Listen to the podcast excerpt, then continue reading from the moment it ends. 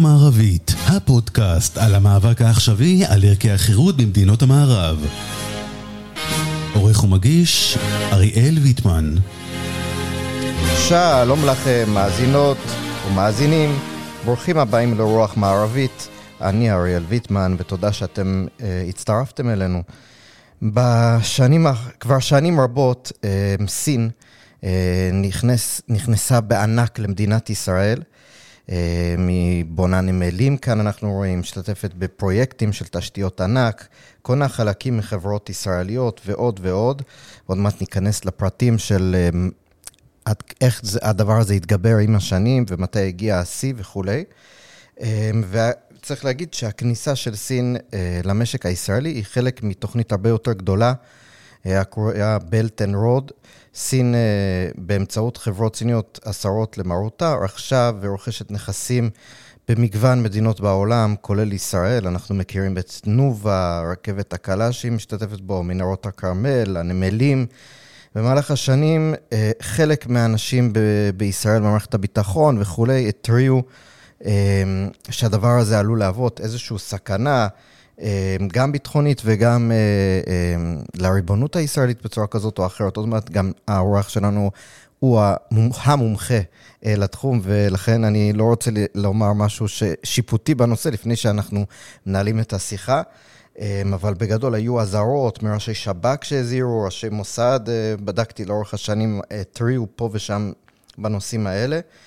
ולמרות האזהרות, ממשלות ישראל התעלמו, או לפחות אה, לא הקשיבו להם עד הסוף, וסין אה, נמצאת כאן אה, בצורה משמעותית. וזה מתחבר לעובדה שסין נמצאת ככה, לפחות בבחינה דיפלומטית ומבחינת הצהרות, בגוש שיותר מבקר את ישראל, פחות שש למרותנו, חברה של רוסיה, כמו שאנחנו יודעים, ולכן מאוד ביקורתית כלפי ישראל במוסדות בינלאומיים, וכולי וכולי. אמ, ואני חושב שהאיש, כמו שאמרתי, האורח שלנו יכול לשפוך אור על כל הנושא המרתק הזה, אה, ולהבין אה, לאן אנחנו הולכים ולמה בעצם אה, הגענו עד הלום. אז אני רוצה להציג את האורח, פרופסור שאול חורב, הוא ראש המכון לחקר מדיניות ואסטרטגיה ימית, ולשעבר סגן מפקד חיל הים וראש הוועדה לאנרגיה אטומית. אמ, כמו שאתם מבינים מהטייטל, הוא באמת האיש לדבר על הנושא. אז פרופסור שאול חורב, ברוכים הבאים לאורח מערבית, ותודה שאתה איתנו. שלום, ערב טוב לך וערב טוב למאזינים. אז אולי לפני הכל נשאל על עצם הנושא עצמו. האם יש כאן באמת, אה, ככה, כמו שאמרתי, היו, בדקתי ככה במה שנקרא בהיסטוריה בגוגל, כל מיני אזהרות לאורך השנים על גם ארה"ב שמזהירה אותנו, שכל מיני מתחת לפני השטח מבקשים שישראל תמתן את ההשקעות הסיניות וזה. האם יש כאן משהו, אה, באמת, אה, ההייפ, האם ההייפ מצדיק את, ה, את עצמו בהקשר הזה? אה, כן, אתה דיברת ואמרת שזה ב-2015 הגיע לשיא, אבל אנחנו התחלנו את זה הרבה יותר מוקדם. כולנו זוכרים את עסקת הפלקון, שהייתה בסוף שנות התשעים, שישראל מכרה, ובסופו של דבר בלחץ האמריקאי אה, נאלצה לבטל את העסקה הזאת. אה, וזה לא עזר, כי בשנות האלפיים היה אירוע נוסף שבו דובר על מכירה של אותם אה, מל"טים משוטטים שנקראו בשם הרפי. כן. וגם פה אנחנו הגענו לעימות מול האמריקאים עד כדי כך שמנכ"ל משרד הביטחון דאז, עמוס ירון, וראש המלמ"ב, יחיאל חורב, נאלצו לפרוש. ואנחנו רואים מגמה הולכת וגוברת אה, של אה, כניסה של סין לכלכלה של ישראל, שאני אוכל אחר כך להסביר את הדברים האלה. Mm-hmm. כך שאתה מציין את זה בתור עובדה, אני חושב שאנחנו עכשיו דווקא בירידה של הנושא הזה, כי אנחנו מבחינים באמת בבעייתיות, אבל ללא ספק הייתה פה אה, וזה הגיע לשיאו כנראה בסביבות שנת 2015-2016 ואילך, כניסה מסיבית של סין לתשתיות של מדינת ישראל. כן, אה, אולי רק ת, תחדד לנו, כי אנחנו באמת שומעים את זה הרבה בחדשות, אבל רובנו ככה עוברים הלאה ולא באמת מתעמקים בזה. מה בעצם האסטרטגיה הסינית העולמית, לא רק בישראל, ישראל היא כמובן חלק מזה, ה Belt and Road הזה, שומעים את זה הרבה במגוון וריאציות, מה בעצם האסטרטגיה שלהם באופן כללי, מה הם מנסים להשיג ב, ב, ב, בפרויקט האדיר הזה? אז קודם כל יוזמת החגורה והדרך, כמו כן. שנקראת Belt and Road Initiative, היא אה, חלק מהפיכתה של סין למעצמה כלכלית. עכשיו בואו נסתכל על זה קצת בצורה שונה. סין הייתה קומוניסטית, אה, עדיין קומוניסטית, ויש שם שלטון שצריך להבטיח לאזרחים שיפור מתמיד בתנאי החיים שלהם ובכלכלה, אה, שזה יתבטא באחוזי צמיחה, אנחנו דיברנו בזמנו על 7-8 אחוזים בנושא הזה, וכדי שבאמת טוב יהיה לאזרחים, אז זה לא מספיק להשקיע בתוך המדינה, אלא צריך למצוא דרכים כדי לייצא את כל אותם סחורות, מכשירים ודברים כאלה למדינות אחרות. ומכאן התפתח הנושא של אם סין הייתה בשנות ה-60, ה-70, ה-80 מושקעת כלפי פנים, היא מתחילה להסתכל כלפי חוץ. מסתכלת כלפי חוץ ורואה איפה השווקים האפשריים לסחורות שלה. והם נמצאים באירופה והם נמצאים בארצות הברית, ולכן היא הולכת ורוכשת, אה, בונה אה, נמלים מעל 35 מדינות, שאחר כך אפשר לבוא ולהגיד אה, מה היו המאפיינים של הנושאים האלה, כדי להבטיח באמת שאת מה שהיא מייצאת יוכל להגיע למקומות שיהיה גם בשליטתה. כן. ולצד זה, אותה יוזמת החגורה והדרך, מה שאנחנו קוראים בלדן וורד אינישטיב, עכשיו צריך גם כן להגן על זה, ובונה בסיס בג'יבוטי שיוכל להבטיח את הדברים האלה, וכן הלאה וכן הלאה, אבל אני מסתכל על זה בתור הפיכתה של סין למעצמה כלכלית, הצורך שלה להגדיל את הכלכלה שלה, לצמוח כל שנה באחוזים גדולים, ולחפש שווקים ברחבי העולם, שזה מבוטא גם כן בכך שיהיה לה מקומות, נמלים, שיהיו בשליטתה, ששם היא תוכל לפרוק את זה ולהעביר את זה לכל אותם מקומות. כן, אז, אז בעצם עד כאן זה, זה הגיוני מבחינת פיתוח כלכלי, מבחינת זה שהם רוצים באמת לצאת החוצה, לתת יותר רווחה כלכלית לתושבים שלה, לגרום ליותר צמיחה, אבל נניח אם אני מדינת ישראל או מדינה מערבית אחרת, והם מציעים לי באמת, כמו שאמרנו, נניח איזה מכרז על נמל בחיפה או בכל מקום אחר, אני, אני משתמש בישראל, אבל אני מניח שמדינות אחרות בעולם גם עומדות בפיתוי. למה לי בעצם אה, לחשוש מהם? זאת אומרת, לכאורה עד כאן הם בעצם באים מתוך אינטרס כלכלי, אז לכאורה, כמו כל אה, יחסי כלכלה בין שתי מדינות, או בין חברות שקיימות, שבסיסם במדינות אה, שונות, למה לי לחשוש מבעצם שיתוף פעולה עם חברה סינית, למשל?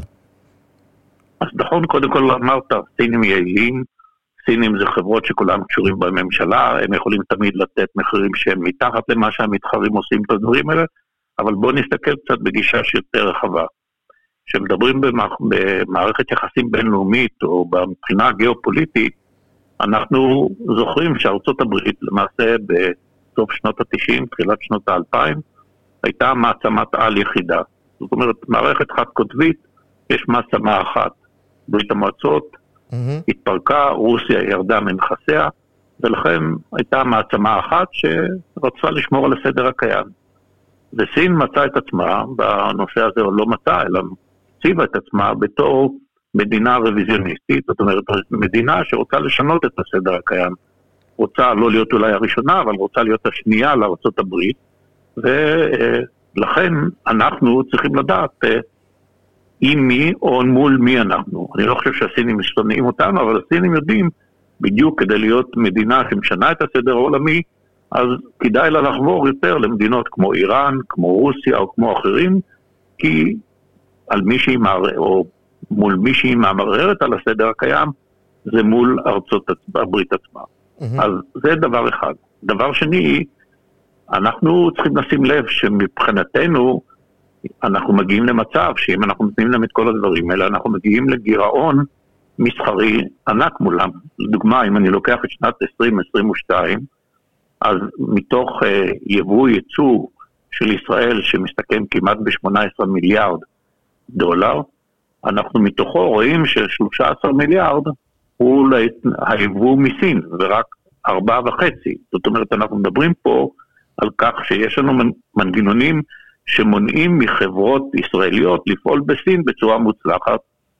דבר אחר, סין זיהתה לפחות את ישראל בתור אה, מדינה שהיא עם הייטק, עם מוסדות אקדמיים, והייתה מעוניינת אה, לקבל את הידע. ואז אנחנו מגיעים לנושא של זליגת ידע בלתי מבוקרת מחברות ישראליות וגם מוסדות אקדמיים, נזכיר את הטכניון, מה שהוא עשה עם סין וכן הלאה. נכון. לעומת זאת, חברות ישראליות שפונות בסין, יש להם הפסדים, הן לא צריכים, לא מצליחות להתמודד עם חסמים מקומיים בדברים האלה. כן. דבר נוסף זה כן. סין, במדיניות החוץ שלה, כאשר הדבר עולה להצבעה במוסדות או"ם, היא לא מתבלבלת. היא מבינה שיש פה מדינה אחת ויש פה מחנה ערבי גדול, ולכן היא מצביעה פה בדברים האלה.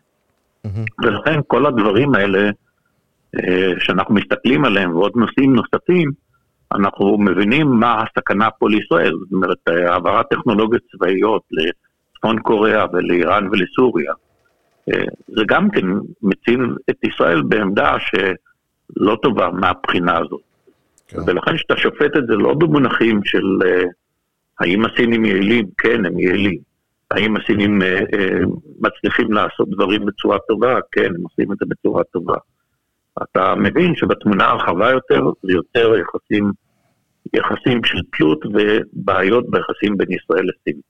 אני, אני רוצה לשאול, לחדד כמה דברים שאמרת, ורק כדי להבין, אז קודם כל, אם אני מבין אותך נכון, חברה מערבית או חברה ישראלית, במקרה שלנו, שרוצה לפעול בסין, יש דרישות מאוד מאוד, אני זוכר שקראתי על זה בעבר, שבעצם הממשלה, לפחות הסינית, הממשל דורש שותפות באיזשהו אופן בניהול החברה בסין, נכון? יש שם ממש המון המון אה, כמעט אה, נכנס, זאת אומרת, דברים שבמערב לא היינו בכלל חושבים שהם אופ, אופציה בכלל, ואז הטענה על סחר חופשי בכלל לא מתקיים, כאילו... הם... נכון, החבר... זאת אומרת, אתה אומר פה, מה שאתה אומר, יש פה חסמים מקומיים בסין, כן. שאינם קיימים בישראל. בישראל שמישהו בא לבוא ולעשות את מנהרות הכרמל, אז אם סין מציגה שמבחינתה זה הזול ביותר וזוכה בדבר הזה, בסדר. בסין, חברות ישראליות עומדות בפני הרבה יותר קשיים, ולכן גם הגירעון המסחרי הגדול שישנו בין ישראל לבין סין.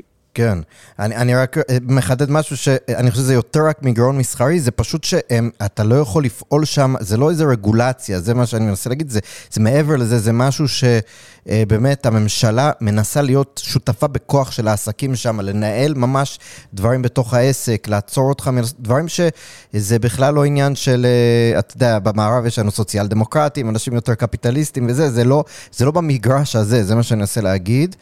אה, ושאלה נוספת שמעניינת אותי, ש, שהיו כל מיני אה, דיבורים שהקמה של נמל למשל, זה לא רק אה, סכנה כלכלית כמו שתיארנו עד כאן, אלא ממש יש סכנה ביטחונית. למשל, אמרו שיכולים להשתמש בזה להאזנות, לכל מיני דברים, או יכולים...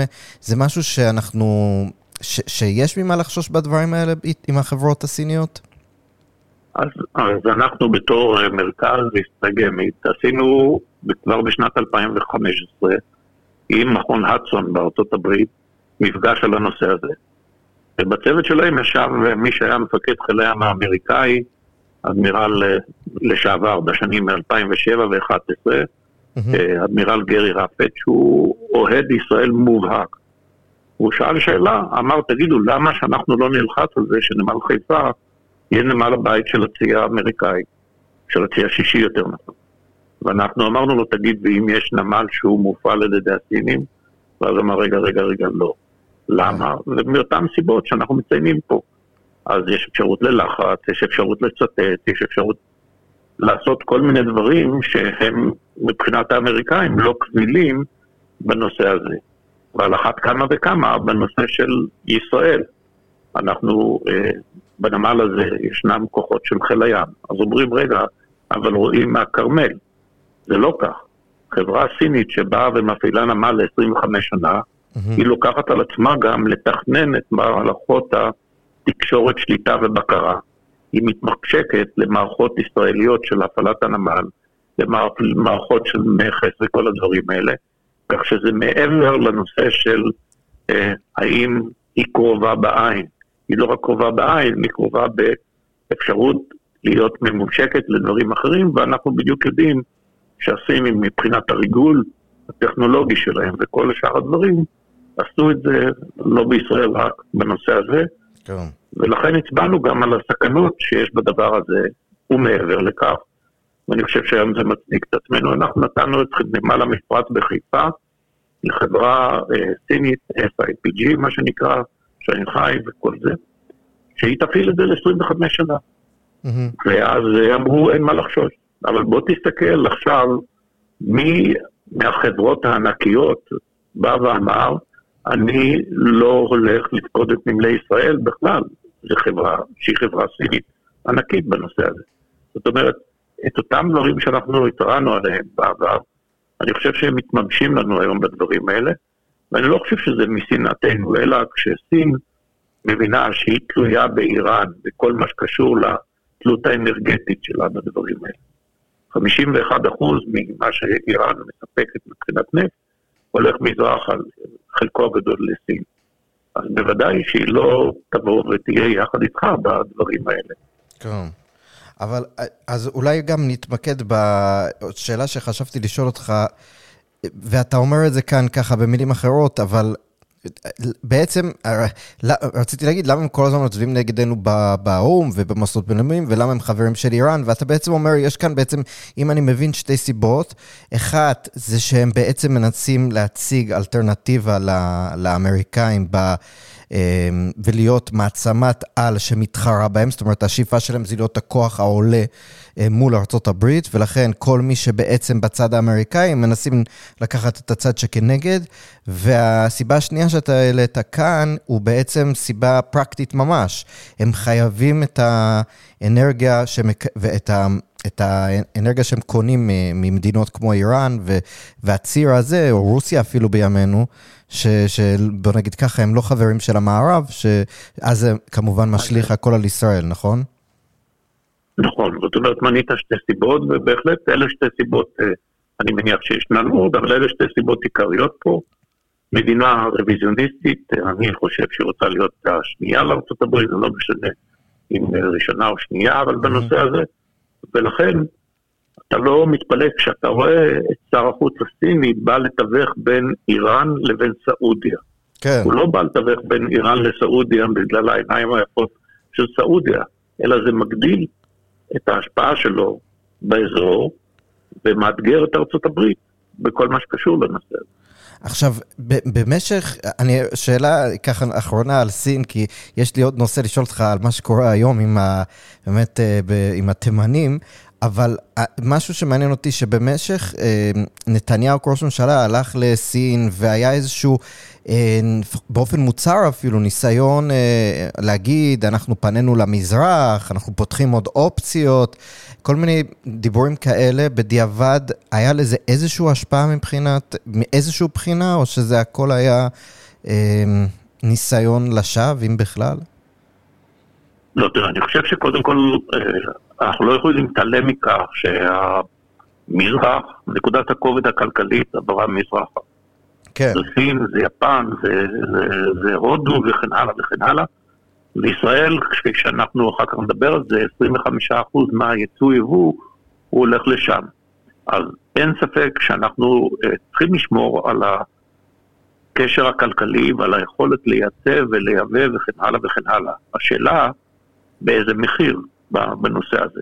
כן. אז פה אני דווקא חושב שצריך להמשיך עם זה, אבל להמשיך עם זה גם כן מעמדה שהיא לא רק עמדה נחותה, אלא מתוך עמדה שבאה ואומרת, תסירו חסמים וכן הלאה, ולא להקריב טכנולוגיות ביטחוניות, ולא להקריב דברים שמבחינתנו הם נכסים בדברים, mm-hmm. בנושא הזה. Okay. אוקיי. כך שאני לא בא ואומר, סין היא אויבת, היא לא אויבת, יש לנו יחסים דיפלומטיים, אם אתה תלך העם הסיני שנמצא ואתה תנסה לזהות שם איזה שהם רגשות אנטישמיים או דברים כאלה, חס וחלילה.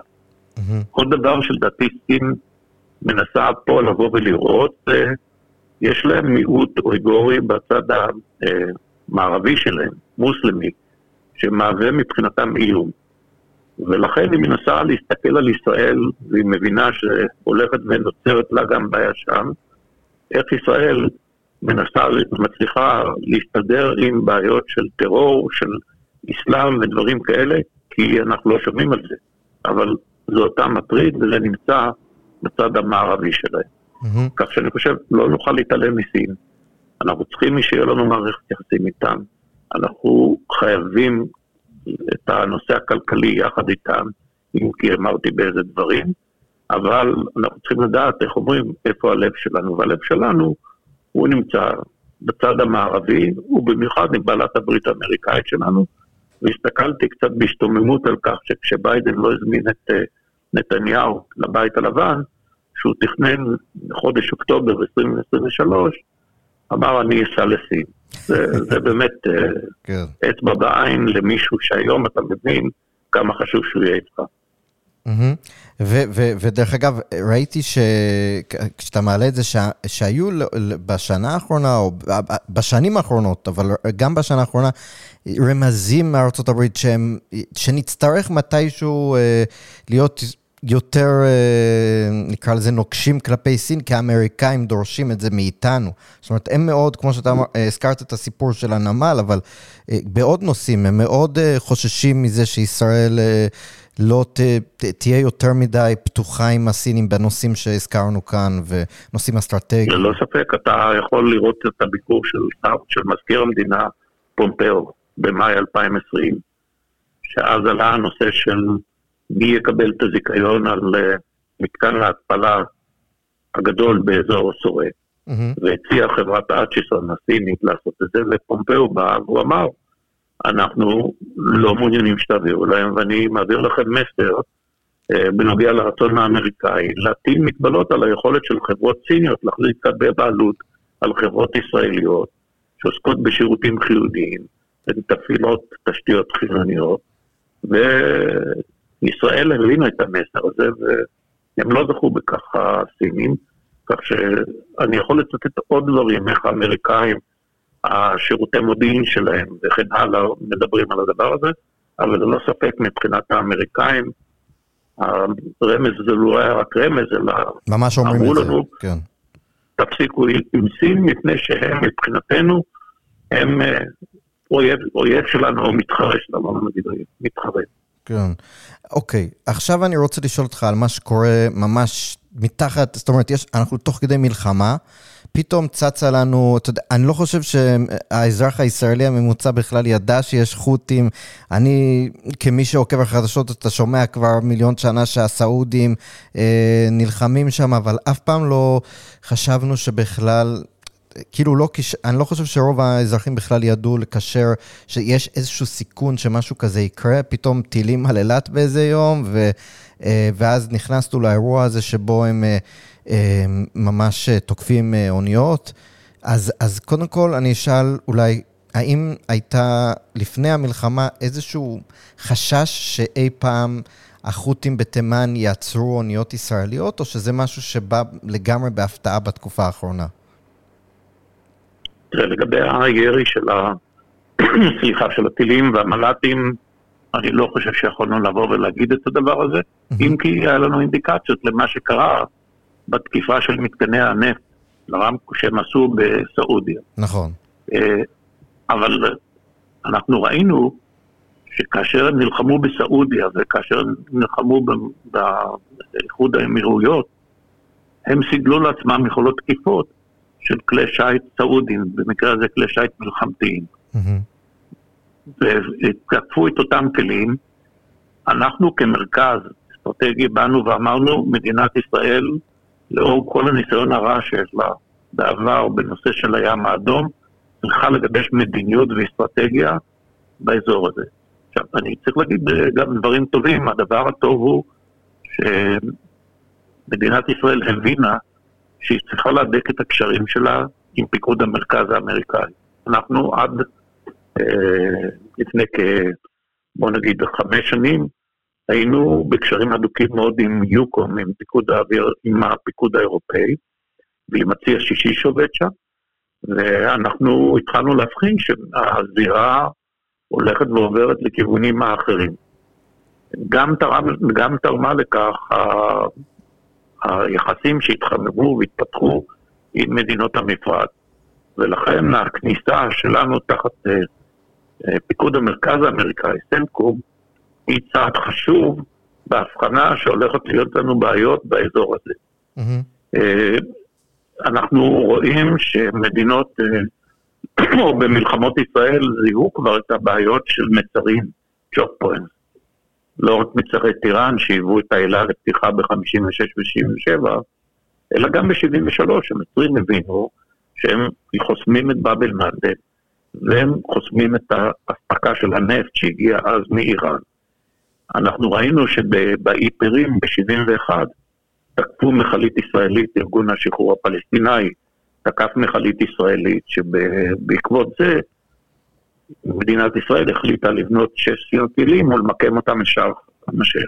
זאת אומרת, איפה שיש לי ביקורת פה, זה שאנחנו לא די ידע, הבנו שהים האדום מציב לנו פה שורה של סיכונים בגלל האופי שלו הגיאו-אסטרטגי, שיש נקודה, שתי נקודות משנק, אחד באבל מנדם, אחד תעלת סואצפוד ודברים בנושא הזה, ואנחנו באותם אירועים שהיו במה שנקרא שדורו, אותה מלחמת צללים שהייתה נגד איראן, ונכנסו לתחום הימי בפגיעה במכליות איראניות שהובילו דלק לסוריה, אנחנו לא הבנו שזה עלול להתהפך עלינו, והם התחילו לתקוף כלי שיט שיש להם זיקה לישראל.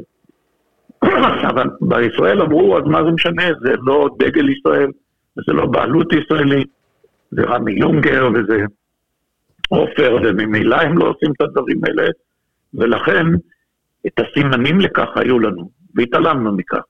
עכשיו, אנחנו צריכים להבין, כפי שנמלי ישראל, הם מופעלים היום, סליחה, על ידי גורמים זרים. כן. החברה הסינית, הנמל ההודי בחיפה, חברה גרמנית שוויצרית, גם הספנות הפכה להיות היום לבינלאומי, אתה לא יכול לבוא ולהגיד, אני אתעלם מזה ורק אונייה ישראלית. אין אוניות ישראליות כבר כמעט. והיות והתעלמנו מהנושאים האלה, גם מאופיו המיוחד של הים האדום, וגם מהאופי של הספנות ששם, אני חושב שקיבלנו את מה שקיבלנו.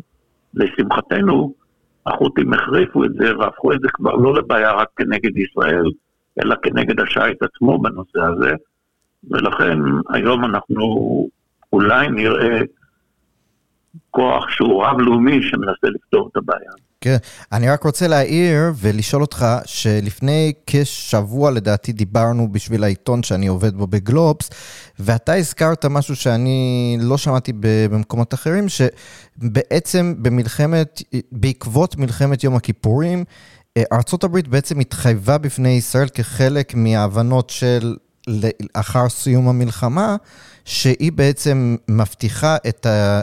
את השיט החופשי ב, באזור, ואז אולי תוכל גם, ו, ואז בעצם בעקבות זה, אתה, אתה בעצם אמרת שאנחנו צריכים לבוא לארצות הברית ולהגיד להם, כאילו, יש כאן את ההתחייבות שלכם, אז אתם... נכון, נכון. אז תיתן לנו נכון. אולי את הרקע לסיפור הזה, כדי להבין בעצם למה יש לנו זכות לבוא לארצות הברית, שיעזרו לנו בזה. אז, אז אנחנו את מלחמת יום הכיפורים סיימנו לא טוב, אני אומר, אנחנו בים. Mm-hmm.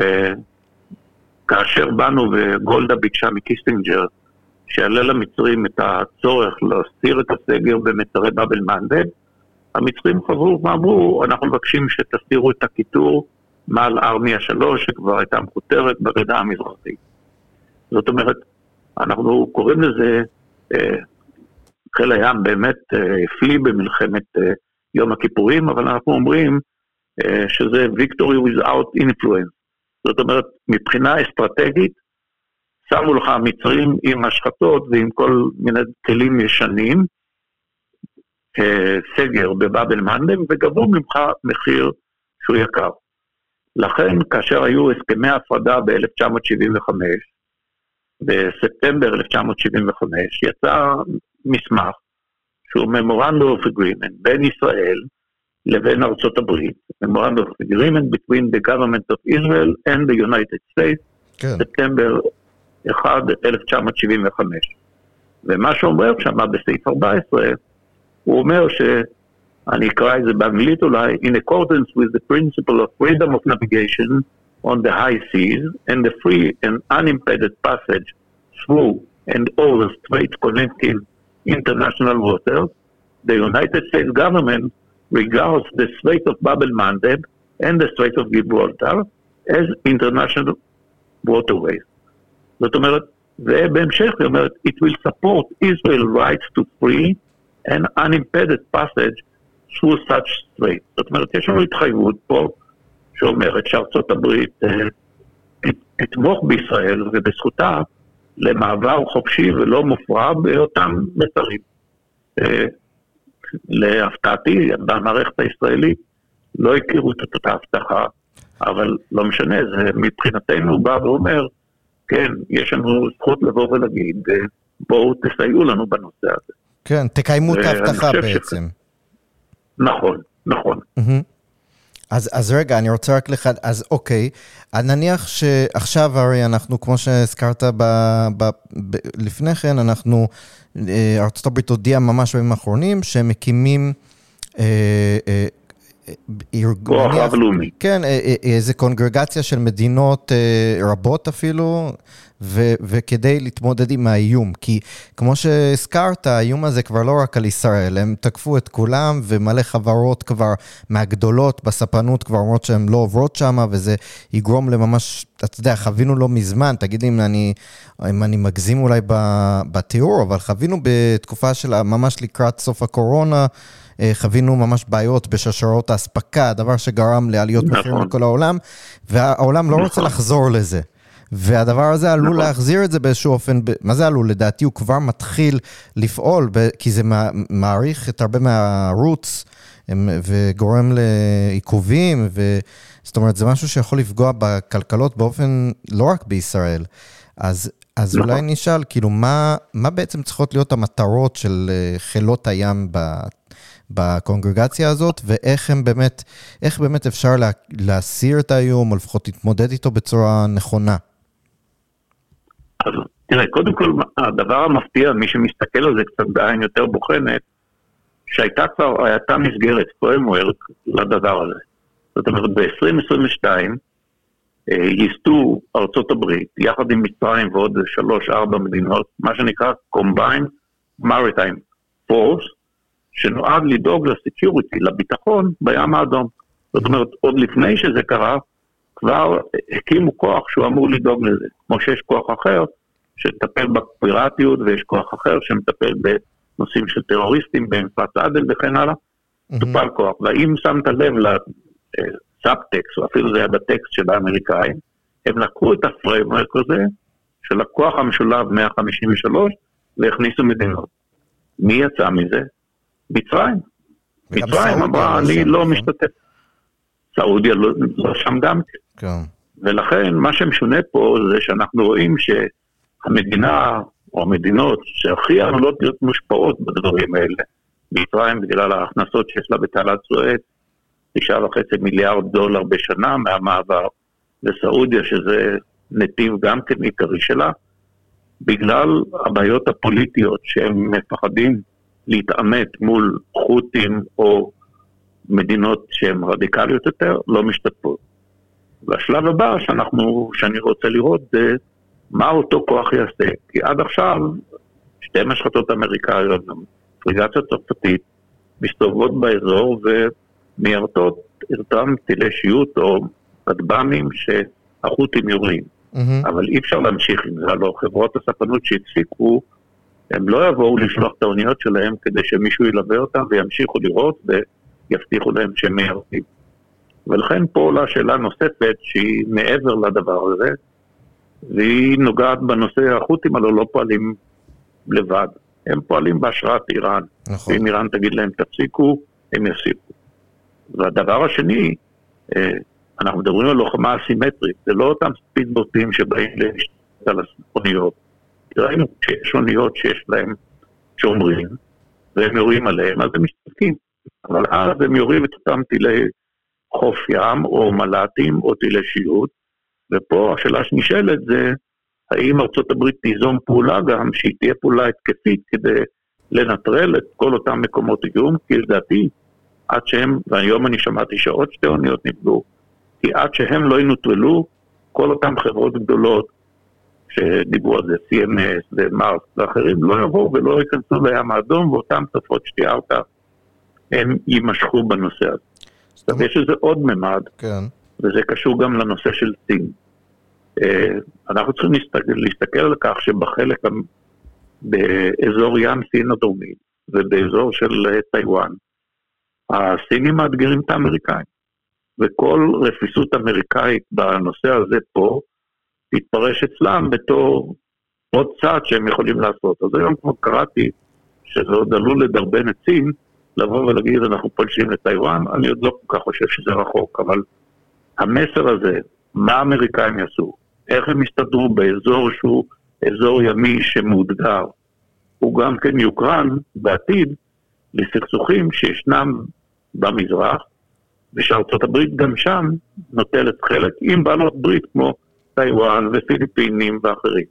אה. ולכן יש לזה הרבה ממדים נוספים, וצריך להסתכל ולראות באמת איך זה ייפתח. רק לחדד, אתה אומר, אתה, אם אני הבנתי את הדברים שלך, להשתמש רק בהגנה זה, זה, זה, זה כמובן טוב, אבל אתה אומר, זה לא יפתור את הבעיה באופן אה, אה, הרמטי, כי בסוף אה, הם הצליחו לתקוף פה, לתקוף שם, אוניות במיוחד שהן בלי ה... אה, תיארת אם שומרים על האונייה, זה, יש חברות שאם כן, יש חברות שלא, ואז בעצם אה, ללא התקפה או איזשהו... איזה Game Changer אחר, אנחנו נראה גם אם הכוח הרב-לאומי הזה יהיה שם, אתה אומר, יהיו, יהיו מקרים בכל מקרה, נכון? אם אני הבנתי אותך נכון. נכון, וחברות ספנות לא, לא מסתכלות על זה בעיניים של הבאת לי 50 אחוז ביטחון, בדיוק. חברת ספנות אומרת, כי תראה, גם חברת הספנות, בסוף, אתמול מישהו שאל אותי מי זה המרוויחים ומי זה המפסידים. חברות הספנות הן גם המרוויחות. אם שמת לב, אז מחירים של המכולות היו מאוד מאוד נמוכים, אתה הזכרת את זה והזכרת נכון, בשיא הקורונה, מחיר של מכולה הגיע לסכומים עצומים, מעל עשרת אלפים דולר, והיום זה ירד לאלפיים דולר. אז חברה באמת תשקיע יותר בזה לעקוף את אפריקה, אבל עכשיו הביקוש יהיה יותר גדול ממה שיש היצע, ואתה רואה פתאום מניית סין הולכת ועולה. Mm-hmm. אז חברות ספנות לא ייכנסו לים האדום אה, במצב שבו יש ביטחון חלקי. אז הם יגידו, בסדר, אז אנחנו עושים את ההקפה וכן הלאה, ישיתו את, ה, את העליות מחירים על הצרכנים וכל הדברים האלה, ו, ולכן אני תוהה ואומר, בסדר, יש כוח רב-לאומי, אבל מה השלב הבא? כן. אז, אז אה, אה, עוד שאלה ככה על ישראל עצמה. אז אמרנו שמבחינתך, יש לנו קודם כל את, ה, את המסמך הזה, את ההתחייבות שארצות הברית בעצם אה, לפני, אה, מיד אחרי יום כיפור, כמה שנים אחרי יום כיפור, כבר אומרת, אנחנו נותנים לכם את המילה שלנו, החתומה, שאנחנו נדאג לכם בנושא הזה. אבל אם היא לא תדאג לנו בנושא הזה, האם, אני, כי שמעתי היום למשל את אה, גלנט הגיע לאילת, נתן, עמד שם על אחת הספינות ואמר, של חיל הים, ואמר, אנחנו נגיע לכל מקום שצריך, שיגר איזשהו איום אה, לחות'ים, אה, לפחות ככה זה, ככה זה פורש. האם האם ישראל צריכה, בוא נגיד ככה, ל, ל, להבליט את היכולות שלה בנושא הזה, והאם יש לה את היכולות להתמודד עם זה בצורה כזאת או אחרת? אז, אז אני חושב שכשמדברים על מהלך שהוא מהלך דיפלומטי או מהלך בינלאומי, תמיד טוב שיהיה לך בצד את אותו מקל שאתה יכול להגיד, ואם לא תעשו את הדבר הזה. אני אתן דוגמה מקבילה מהנושא של לבנון. אנחנו כל הזמן באים ואומרים, אה, אנחנו בעד שתפתרו את זה ב-17.01, תרחיקו אותם מעבר לליטני. אבל יש לנו היערכות שם מאוד גבוהה. אנחנו גם מגיבים ותוקפים ותמיד אנחנו מדגישים, גלנט הדגיש את הדבר הזה, שאם הלבנונים יעשו את זה, אז אנחנו בסוף נאלץ לעשות משהו. זאת אומרת, מצד אחד באה ישראל ואומרת, בגבול הלבנון, אנחנו רוצים להגיע לפתרון דיפלומטי, 1701. מצד שני, היא מחזיקה הרבה מאוד כוחות, יכולות ומגיבה. אותו דבר, אני מסתכל על נושא של הים האדום. אני חושב שחיל הים, וטוב שהוא עשה ככה, מיד איך שהדבר הזה נעשה, הוא הוריד ספינות, כי כשאתה מוריד ספינות לשם, גם אם אתה לא מלווה, אתה כבר מפעיל לחץ על האמריקאים, שבא ואתה אומר, תראו, אני בנושא הזה, יש לי כוונות רציניות. ועכשיו אני נותן לכם לפתור את הבעיה. נכון עשו. תפתרו כן. עם כוח רב-לאומי בנושא הזה. ולכן יש משמעות להימצאות ספינות במקרה הזה, זה לא, אפילו לא בתחילת הדרך, אבל יש משמעות להימצאות ספינות בים האדום, שיפעלו שם, ואני חושב שלישראל יש גם יכולות, חיל הים, ברגע והוא רכש כלי שיט גדולים, יש לו יכולות לפעול שם, אני לא אכנס לסוגי הפעולויות. Oh. אני רק אדגיש את זה, תראה, האיראנים מחזיקים אוניית אם שעומדת במרחק של 100 מים צפון על המצרים, זו הייתה בזמנו סוויל, עכשיו זה הפכה לאונייה אחרת, ומשם משגרים מל"טים וכל מיני לטיס בלתי מאוישים. עומדים שם, בדרום הים האדום.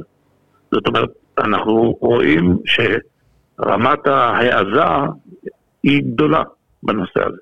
עכשיו, חיל הים הישראלי, לכן נכון עשה לדעתי שקודם כל להוריד כלי שיט שיהיו שם ושיהיו נוכחים באזור של הים האדום, לא משנה אם זה הצפון, כדי לדרבן את ארצות הברית ולהגיד, כי גם משהו שהוא כתוב בסופו של דבר, לא תמיד עושים את הדבר הזה, אני לא יודע אם אתה מכיר את הסיפור, אה, אחרי, לפני מלחמת ששת הימים שלחו את אבא אבן לבוא ולהגיד, אבל אתם אמרתם ב-56 שאם יחסמו עוד פעם זה יהיה קרלוס בלי. כן. הוא הגיע לדה גול ואמר לו, הנה אמרתם, יש התחייבות כתובה, זה יהיה תאריך זה וזה.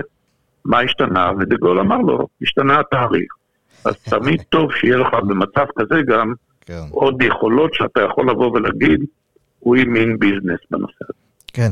אני רוצה לסיכום, אה, אה, לסיכום, אני רוצה לשאול אותך, הרי אחת, זה בעצם התחיל בגלל שהם, אה, גם הסיסמה שלהם זה, זה מוות לאמריקה, מוות לישראל, ותחי האסלאם או משהו כזה של החות'ים.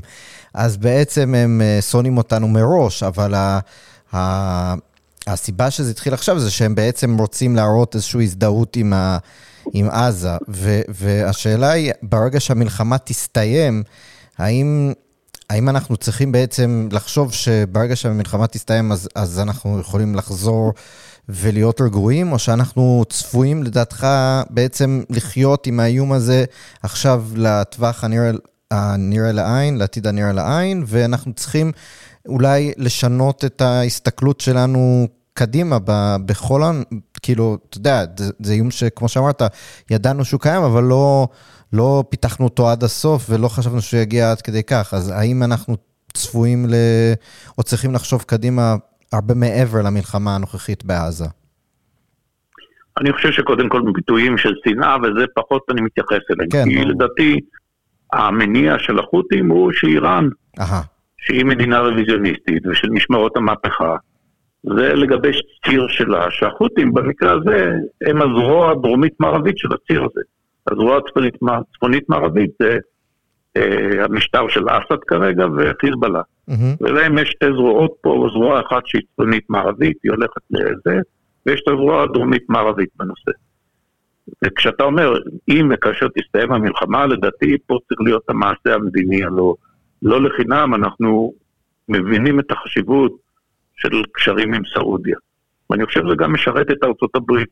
כל אותן מדינות שהן פה במזרח התיכון, אה, מסעודיה ומצרים וירדן ומדינות האמירויות בנושא הזה, ככל שיתגבשו ויהיו יותר מגובשות פה במין איזושהי ברית אזורית, זה הדבר שישראל צריכה לשאוף אליה. כי זה משקל נגד, מבחינה גיאופוליטית, לאותו ציר שהיום איראן ישנה, מגובה על ידי סין, מגובה על ידי רוסיה, שכרגע זה לא דבר שהם בצד שלנו, בוודאי שלא בערכים שלנו, והשאלה מה באמת, כאשר הדבר יסתיים פה, ואני מתעסק בעזה, זה לראות שמזרח התיכון וארצות הברית במאמצים שלה בונה פה ציר של מדינות מתונות, שאיתן ישראל היא בשלום, ומצליחה לפתוח ביוזמות נוספות. אה, יש יוזמה שהיום מדוברת עליה הרבה ודיברו עליה בספטמבר, אוקטובר, אני לא זוכר, עוד לפני השבעה,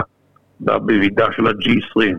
וזו היוזמה שנקראת ה-International Maritime Economic Corridor, שמדברת על כך שמהודו יגיעו סחורות למדינות המפרץ, האמירויות, משם ברכבת דרך ירדן עד חיפה, שנמל חיפה הוא היום בהפעלה הודית. Mm-hmm. זאת אומרת, אני לא כך מאמין בזה, אבל אני אומר שזה מבטא איזושהי מערכת יחסים שישראל צריכה לראות שהיא שואפת אליה ולהיות לאותו, אותן מדינות שהן הציר המתון בהובלה של ארצות הברית. כן, ודר, ורק אה, משהו קטן, אה, אה, שאולי ככה לאופטימי, האם אתה חושב, בהקשר למה שאמרת עכשיו, שיכול להיות שדווקא המשבר הזה יאיץ בשלב כלשהו, שקצת יירגעו הרוחות שמליטות את הרחוב הערבי בגלל מה שקורה בעזה, האם יכול להיות שדווקא המשבר הימי הזה יכול לקרב את הנורמליזציה עם חלק מהמדינות שעדיין לא חתמו איתנו בגלל האינטרסים המשותפים שעכשיו הם מבינים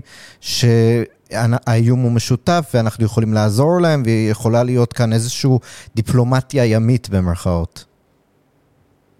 כן, כחלק מהסתכלות יותר רחבה שמדברים על, על ממה חוששת מצרים, מהאחים המוסלמים. כן. ממה חוששת ירדן. ממה חוששות מדינות אחרות, ולכן, כן, בוודאי שהנושא הימי הוא, אה, כשאנחנו מדברים על ים, אבל אני חושב שמדברים על ההיבט היותר רחב, אם תשאל את הסעודים, הלוא הם היום מבינים בדיוק מה המשמעות של החמאס, ולכן הם אה, לא באים ומעלים הצעות כנגד ישראל חריפות כרגע בנושא הזה, כי בסופו של דבר, הדבר הזה הוא לטובתם. כן. כל אותם גורמים רדיקליים בטווח הארוך, אם זה במצרים, אם זה בסעודיה, אם זה בירדן, הם מאיימים עליהם. וטוב במקרה הזה שישראל תצא, ואני בטוח בכך, עם ידה עליונה בדברים האלה, זה גם לטובתם.